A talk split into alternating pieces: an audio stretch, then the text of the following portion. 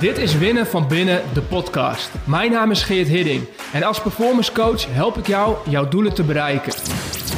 De weg naar succes komt met ongemak, twijfel en onzekerheid. Daarom praten we over mindset, gewoontes en skills en delen de beste tools om te winnen van binnen.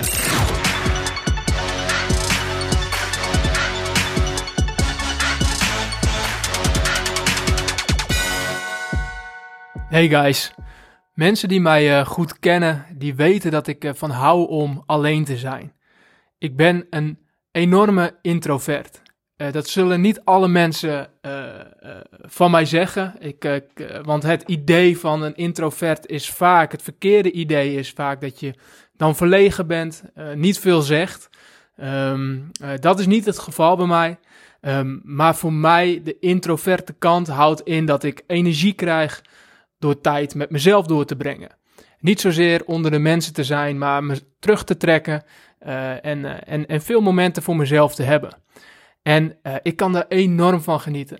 Ik zorg er dus ook altijd voor dat ik in een jaar, in ieder geval elk kwartaal, tijd, een weekend weg ben en tijd voor mezelf heb.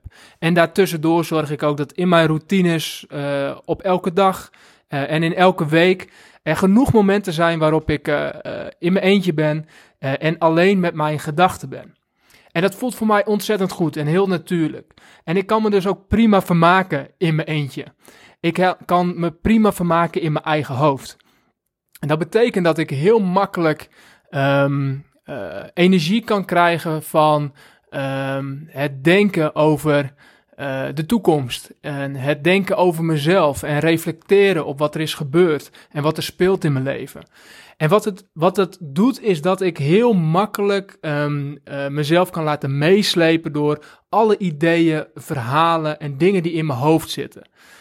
En ik deel dit omdat het um, uh, in het kader van het ego ontzettend interessant is en voor mij echt een, een eye-opener was. En dat dat prima is, en tegelijkertijd dat er ook een grote valkuil aan vastzit.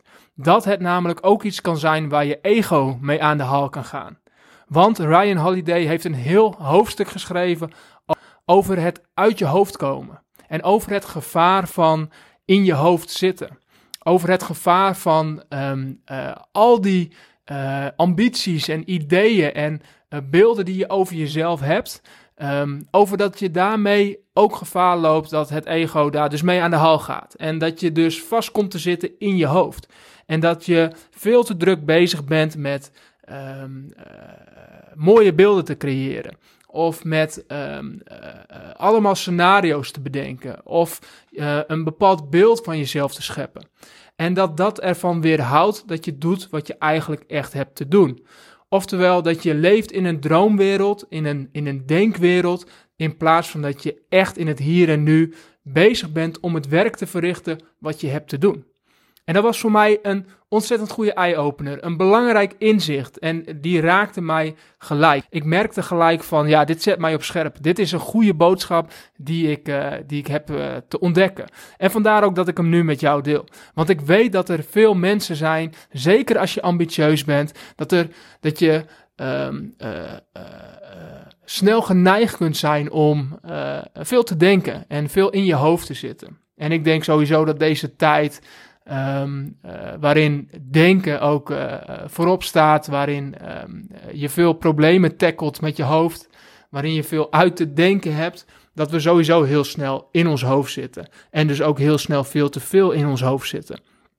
En het is dus belangrijk om te beseffen dat um, daar niets, niks mis mee is, maar dat je dus wel moet oppassen dat je niet te veel in je hoofd zit.